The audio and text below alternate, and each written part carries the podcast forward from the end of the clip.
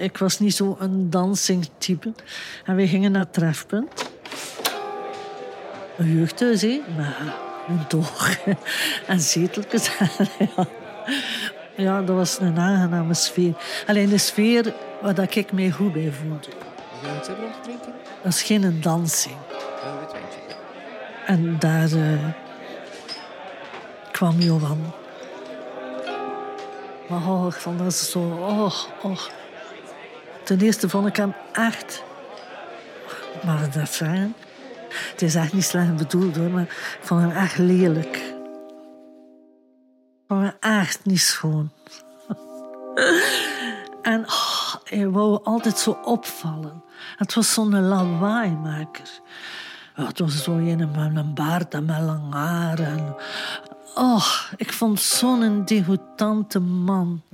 Oh. Ik ben daar dan een keer beginnen mee babbelen en dat viel ongelooflijk goed mee. Daarna vond ik hem toch niet meer zo lelijk hoor. ja. En voilà. We zijn we toch getrouwd.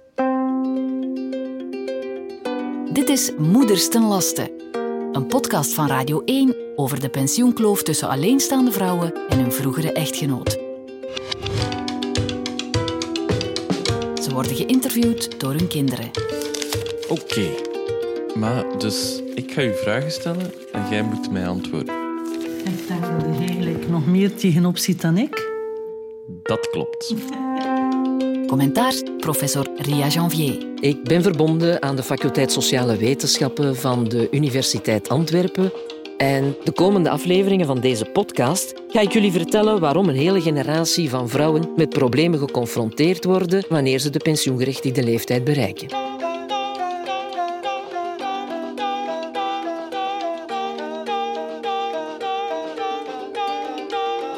Aflevering 1. Monique, de moeder van Wederik. Ex-vrouw van een ambtenaar. Zit je klaar, mam? Ja. Oké. Kunt u jezelf eens voorstellen? Maar weet ik, wat moet ik beschrijven naar mijn eigen? Hij kan mij even goed beschrijven. Oké, dan zal ik beginnen. Ik ben Wederik. Ik ben 31 jaar oud. Ik heb grijs haar. Dat komt omdat ik eh, slechte genen heb. Misschien. Ja, voilà. En we zitten hier aan de keukentafel van een nog niet volledig afbetaalde woning in eh, Oost-Vlaanderen. Die hier eh, een jaar of tien staat. Acht. Acht jaar staat. Oké, en nu jij? Ik ben net 66 geworden. Ja, hoe zie ik eruit? Niet groot. En ik ben een jaar met pensioen. Niet met mijn hoesting. Ja, wat wilde nog weten? Ik heb ehm, nog drie kinders. Hè. Geen kleinkinders, nog altijd niet. En eh, ik doe nog een dag om de 14 dagen vrijwilligerswerk in Beschetonen, waar ik de laatste 16 jaar gewerkt had. Dat is eh, een thuis voor mensen met een psychiatrische achtergrond. Dat was mijn droomjob. Ik vind het alleen heel spijtig dat ik daar zo laat achter gekomen ben. Ik had dat veel vroeger willen weten. Maar ja, ik ben altijd thuis geweest voor mijn kinders. Dat waren er in totaal vijf. Ik heb dat altijd met heel veel plezier gedaan. Ik vond dat heel plezant.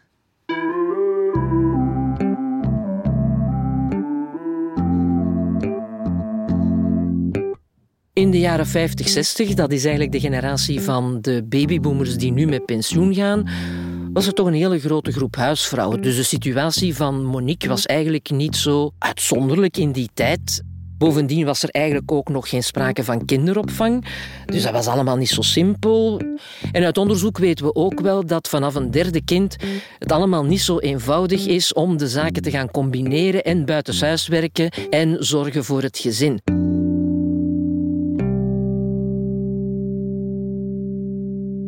Maar jij bent begonnen met werken toen je 18 was. En wanneer ben je gestopt? Ik heb gewerkt totdat ik bevallen ben van ons Roos. Dus ergens midden de 20. Ik werkte op pediatrie toen. En dat was met onderbroken uren, met nachtdienst, de, uh, de vroege en de late. Ik verdiende ook niet zoveel of hem. Hij had de grootste wedden. En ik reed totdat ik bevallen ben van Roos, reed ik alle dagen met mijn fiets. Dus er kroop daar wel wat tijd in. En dan voor opvang te zorgen en geen auto te hebben. Allee, dat was een hele moeilijke beslissing van wat gaan we nu doen?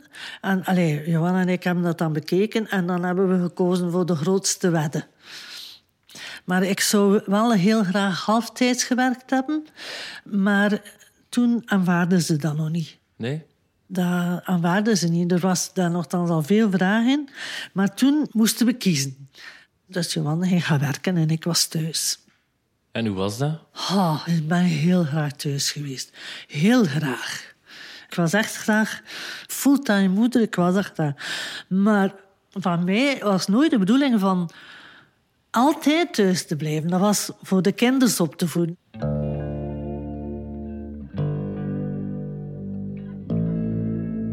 Er is nog altijd een loonkloof tussen mannen en vrouwen, die bedraagt ongeveer 30 procent. Dat heeft voor een groot deel te maken met het feit dat vrouwen eigenlijk heel vaak deeltijds werken. En als je deeltijds werkt, ga je natuurlijk ook maar verhoudingsgewijs betaald worden. En daardoor ga je vanzelfsprekend minder verdienen dan een voltijds te werk gestelde man.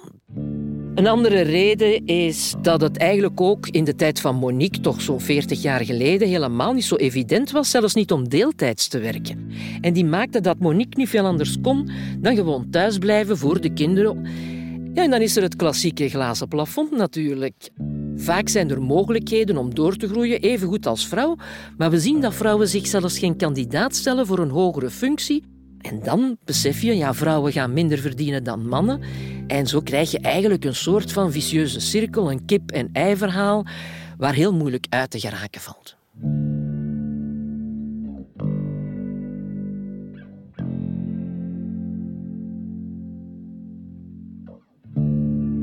En hoe was dat om huismoeder te zijn? Ik was echt geen goede huisvrouw.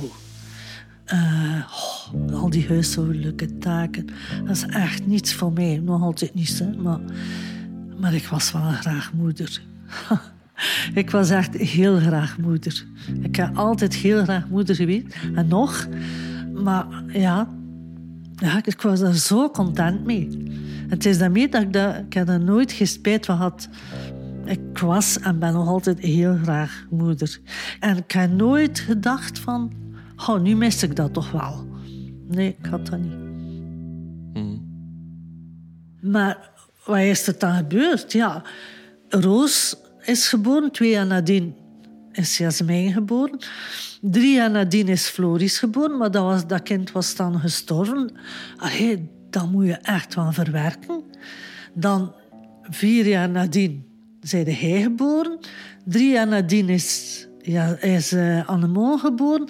En dan, als Annemoon vijf jaar was, is ons Jasmijn gestorven. Maar dan moet je ook... Uh, allee, dan moet je ook echt wel... Want dat is... Ja, dan, dan moet je dat verwerken. Maar die kinderen zitten daar ook mee met dat verdriet. Dus en dan ga je Allee, ik vind dat toch automatisch. Eerst zorgen dat je gezin dat overleeft. En kom er pas daarna, vind ik, aan je eigen toe. Versta je? Dus ja, mijn leven is, is zo gelopen. Ja. En dat was eigenlijk niet echt de bedoeling. Dat was niet de bedoeling. Maar ja hebt niet, je doet, niet alles in handen. Voilà, en nu ben ik op pensioen. Dan zijn papa en jij gescheiden. Kun je eens beschrijven hoe dat, je, hoe dat, dat daarna was? Want na de scheiding ben jij terug beginnen werken. Hè? Je hebt eerst gestudeerd voor psychiatrisch verpleegkundige en dan zijn je beginnen werken. Ik ben begonnen. Ja, ik was 49. Ja, en ik ging nog voordat ik eh, mijn eh, opleiding af had, ging ik gaan solliciteren. Dat was zo'n MPU. En eh, daar zeiden ze tegen mij, mevrouw, iemand van 40 jaar die hier komt solliciteren is oud. En u bent er 49. U bent er 49. En dat was het. ik moest niet gaan. Je kan je afvragen of het dan eigenlijk nog wel mogelijk is als bijvoorbeeld uit de echtgescheiden vrouw om dan terug aan de slag te gaan na een toch wel lange carrière als huisvrouw. We merken eigenlijk ook gewoon uit de cijfers dat het vooral problematisch wordt. Wanneer je ouder wordt dan 55, dan wordt het steeds moeilijker om aan een job te geraken. Het heeft dan eigenlijk niet zozeer te maken met uw vorige leven, uw vorige beroepsactiviteit, of dat je huisvrouw bent geweest of eerder aan de slag al was. Het is vooral de leeftijd die zal maken dat het niet zo makkelijk is om aan een nieuwe job te geraken. Ik vond het wel heel erg. Ten eerste omdat ze u al afschrijven voor uw leeftijd. Dus vooraleer dan eigenlijk weten wie dat je bent en wat dat je kunt. En, en ja, eigenlijk vond ik dat absoluut ongemanierd. maar ja, ik had wel een job nodig, want ik had geen inkomen. Maar dan, doordat ik mijn stage deed in Slijdingen, dan had ik direct een job. Maar wat voor een. Deed jij je werk graag? Oh, ik had echt geen zin om in pensioen te gaan, maar binnen twee jaar zou ik even min zin hebben. En ik dacht van, allee, blijf daar niet voor staan. Kom, stop ermee. Ja, ik ben nog niet uitgeblust. Ik bedoel, mensen die werken van hun 22, die zijn uitgeblust. Maar ik niet. Allee, ik ben absoluut nog niet uitgeblust. Je hebt 16 jaar in de psychiatrie gewerkt. Eerst halftijds, dan vier vijfde. En wanneer heb je voor het eerst beseft dat je pensioen heel klein zou zijn? Oh, van was dat zo dichterbij kwam. Ja, ben dan toch een keer gaan navragen. Om te weten te komen als ik inderdaad kon een deel van papa zijn pensioen kon krijgen. Normaal gezien, als ze echt gescheiden bent, dan, zeker als je zoveel jaren getrouwd bent, dan krijg je een deel van het pensioen van de man. Hè. Maar doordat hij ambtenaar is, krijg ik daar niets van. Dus het is alleen maar van mijn, hetgeen dat ik gewerkt heb. En dat was acht jaar fulltime voordat ik getrouwd ben. En nu uh, 15, 16 jaar. Vier vijven. Dus in totaal 8 plus 16. Maar niet fulltime. Als ik naar de pensioendienst geweest had, zeiden ze dat ik 680 euro ging ik hebben. Pensioen. Maar daar kun je niet van leven, nee. Maar ja, 600 en zoveel. Maar dan kon ik uh, dingen aanvragen voor, uh, hoe noemt dat? Dingen voor ouderen. Uh, hoe, noemen ze dat? Een extra voor de lage pensioenen. Ik dacht van ja, dat is goed. uiteindelijk had ik dan uh, 811 euro. Maar daar kun je niet van leven, nee. Maar ja, daar heb ik me toch wel voor even zorgen over gemaakt.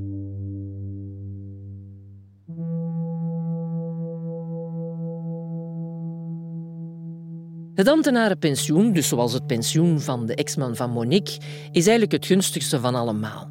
Dat heeft onder andere te maken met het feit dat eigenlijk geen rekening wordt gehouden met de gezinssituatie. En dat komt erop neer dat een ambtenaar eigenlijk, als hij een volledige loopbaan achter de rug heeft, dat hij 75% gaat krijgen van zijn gemiddelde wedden van de laatste 10 jaar. Dat is bijzonder voordelig, omdat ambtenaren op basis van anciëniteit betaald worden en eigenlijk het hoogste loon genieten van hun loopbaan. Monique is gehuwd geweest met een ambtenaar. Dat is prima, zolang dat je als koppel bij elkaar blijft, maar wat je niet mag doen, is uit de echt scheiden van een ambtenaar. Als je namelijk uit de echt gescheiden bent van een ambtenaar, dan ga je eigenlijk op het ogenblik dat je de pensioengerechtigde leeftijd bereikt, een rustpensioen krijgen dat enkel en alleen gebaseerd is op de loopbaanjaren die je zelf hebt gepresteerd. Dus dat betekent dat als je huisvrouw bent geweest, dat die jaren dat je gehuwd was en dus geen verdiensten buitenshuis had, dat dat eigenlijk niet gaat meetellen voor je eigen rustpensioen. Bij de ambtenaren gaan uit de echtgescheiden echtgenoten wel in aanmerking komen voor een overlevingspensioen. Dat betekent dat de echtgenoot dood moet zijn. En zolang dat die natuurlijk blijft leven, dus in het geval van Monique, zolang haar ex-man in leven blijft en we weten dat men in het onderwijs echt wel heel lang leeft, ja, dan is er een probleem. Dus gaat Monique niet in aanmerking komen voor een overlevingspensioen op basis van haar vroegere huwelijksjaren met haar ex-echtgenoot. Je bent dan met pensioen gegaan en nu heb je die eerste periode dan overbrugd. In het begin, er was geen uitweg. Weet ik. ik betaalde 650 euro af aan ons huis. Ik had 811 euro. Allee ja, er is geen uitweg. Ja. Dan heb je 200 euro over voor alles. Voor je kosten. Ja, je moet leven. Je hebt, ja, hebt af en toe een keer schoenen nodig. Je hebt eten nodig. Allee ja, je moet, daar, moet daar zo niet naar rekenen. Hè? Je weet dat toch zo, dat dat, dat gaat niet. Hè? In het begin moesten we nog afbetalen, maar daar hebben we dan een oplossing voor gevonden. Is dat nu wel te doen om rond te komen? 800 euro, daar doe je niet veel mee. Hè? Je wilt toch ook niet... Uh... Allee, op je kinders leven. Ik bedoel, niet van uw kinders leven. Integendeel, ik heb veel meer het idee van... Eigenlijk wil ik nu mijn kinders iets geven. En zorgen dat ze het zij gemakkelijker hebben. Maar niet omgekeerd. Je wil niet zelf van uw kinders moeten helden aannemen om te kunnen blijven leven. Dat wilde niet. Je wil geen last zijn van uw kinders. Integendeel, wil ze, oh, je wil ze, wil ze vooruit helpen. Je wil ze, je wil ze ook een aangenaam leven kunnen geven. En ik zou dat wel er af en toe wat kunnen toestoppen. Zo van, of een keer samen gaan eten. Of een keer... Allee, dat wilde. Maar niet dat je alles last zit. Allee, nu heb ik het gevoel van... ah, Ik kan mij nog niet veel permitteren. Allee, ik bedoel, ik zie mijn eigen nog niet... Ik kan nog niet op reis gaan. Ik kan niet elke maand gaan eten. Maar ja... Ik hoef nu niet meer bijvoorbeeld uh, te denken, de laatste veertien dagen van de maand, hoe ga ik dat doorkomen? Ik heb geen geld niet meer, ik kan niet meer, wat moet ik nu doen? Wow, het, is, het is nog heel weinig. Hè? En je dat meteen aan, aan, aan uw Allee, aan uw kinders klinkt stom. Heb je dat meteen aan ons verteld of niet? Nee, Hoe lang heb je daarmee gewacht? dat weet ik niet. dat weet ik niet meer. Een paar maanden zeker. En waarom? Waarom? Omdat je daar toch aan... Dat je niet wilt dat je kinderen je zouden moeten helpen. Je wilt dat niet. Hij wil je kinderen helpen, maar niet omgekeerd. Je wilt dat niet. Zijn er veel mensen in uw omgeving die in dezelfde situatie zitten? In mijn omgeving niet. Nee.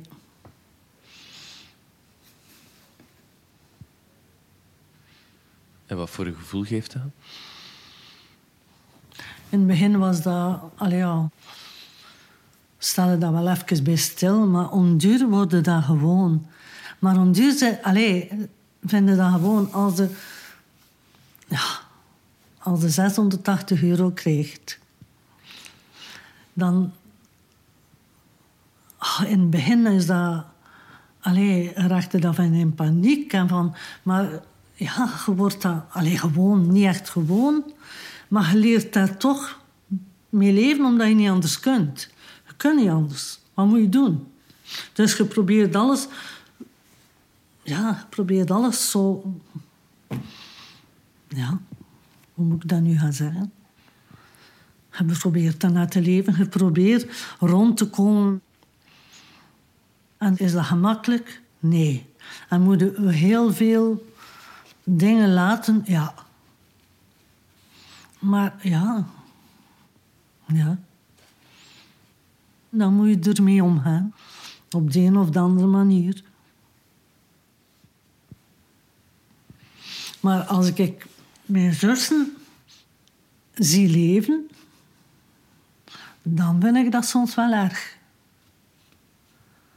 Ja. Zij kunnen op reis gaan. Oh, zij, allee, ja. Zij, zij, oh, als, ze, als ze iets graag hebben, dan kopen ze dat. Uh, ze hebben daar totaal financieel geen, geen probleem. Neemde jij dat iemand kwalijk, zoals papa?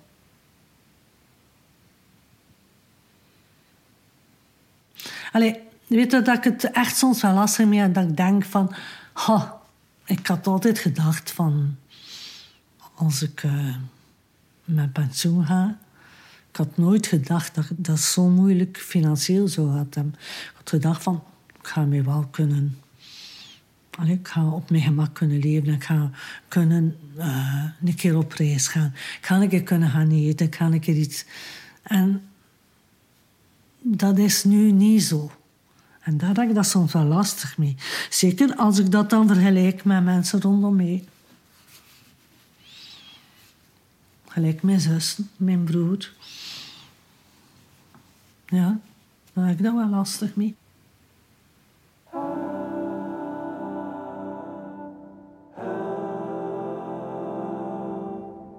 Je zou je kunnen afvragen of Monique dan niet in aanmerking komt voor het minimumpensioen waar zoveel over te doen is. Nu, momenteel is de regel dat je eigenlijk alleen maar in aanmerking komt voor het minimumpensioen als je 30 pensioenjaren kan inbrengen voor de berekening van je rustpensioen. En ja, spijtig genoeg, Monique komt daar niet aan. Af en toe gaan er stemmen op om bijvoorbeeld ook huishoudelijke arbeid, om die ook mee te nemen bij de pensioenberekening. Je moet beseffen dat onze pensioenen ja, toch eigenlijk al wel in de financiële problemen zitten, dat is één. En tegelijkertijd natuurlijk, op huishoudelijke arbeid worden geen bijdragen betaald. In de tijd van Monique zou je misschien nog kunnen verdedigen hebben dat ja, er eigenlijk niet veel alternatieven waren. Wat zou een mogelijke oplossing kunnen zijn voor het pensioenprobleem van mensen zoals Monique? Wel, er zijn verschillende voorstellen al in de richting van een soort van splitsing van de pensioenrechten. Voor alle duidelijkheid, dat is een voorstel, dus dat is nog niet in wetgeving gegoten. Die komt er eigenlijk op neer dat tijdens het huwelijk pensioenrechten worden opgebouwd door beide echtgenoten, door beide samenwonende partners.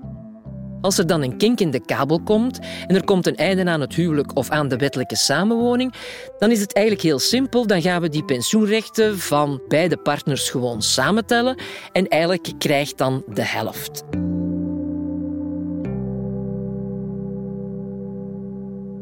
Wat als een van uw kinderen op een dag naar u komt en zegt: Ma, ik ga mijn werk opzeggen en ik blijf fulltime thuis voor de kinderen? Ik ben zelf altijd heel gelukkig geweest dat ik voor mijn kinderen zelf kon zorgen. Echt waar. Altijd heel gelukkig geweest. Maar als mijn kinderen. Oh, ik verklaar er zot. Nee, dat moeten ze echt niet doen. Zou ik kunnen zeggen: van, alsjeblieft, blijf niet thuis. Geef de werk niet op. Zorg ervoor dat je, als het nodig is, dat je terug kunt beginnen. Ook al heb ik dat heel graag gedaan. En ik daar absoluut geen spijt van. Maar ik zou mijn dochters zou ik dat nooit aanraden. En ik zou dat echt afraden. Heel erg afraden, ja, ja, ja, ja. ja. Zeker. En waarom? Gewoon omdat je niet weet wat dat er kan gebeuren. En dat je toch niet wilt in een situatie belanden waar dat ik in beland ben. Dat is niet menswaardig. Dit was Moeders ten Laste, een podcast van Radio 1. Monique? Commentaarstem professor Ria Janvier. Redactie, interviews en montage Justine Vergotte en Wederik de Bakker. Muziek Tim Liebaert, eindredactie Hendrik de Smet.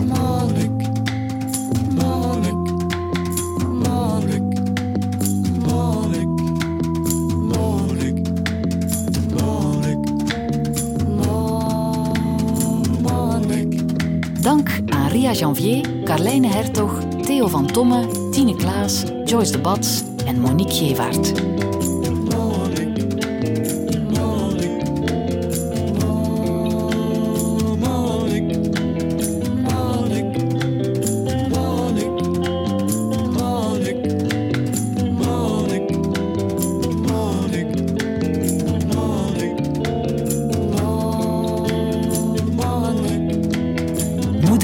Is een productie van Sonderland en Radio 1.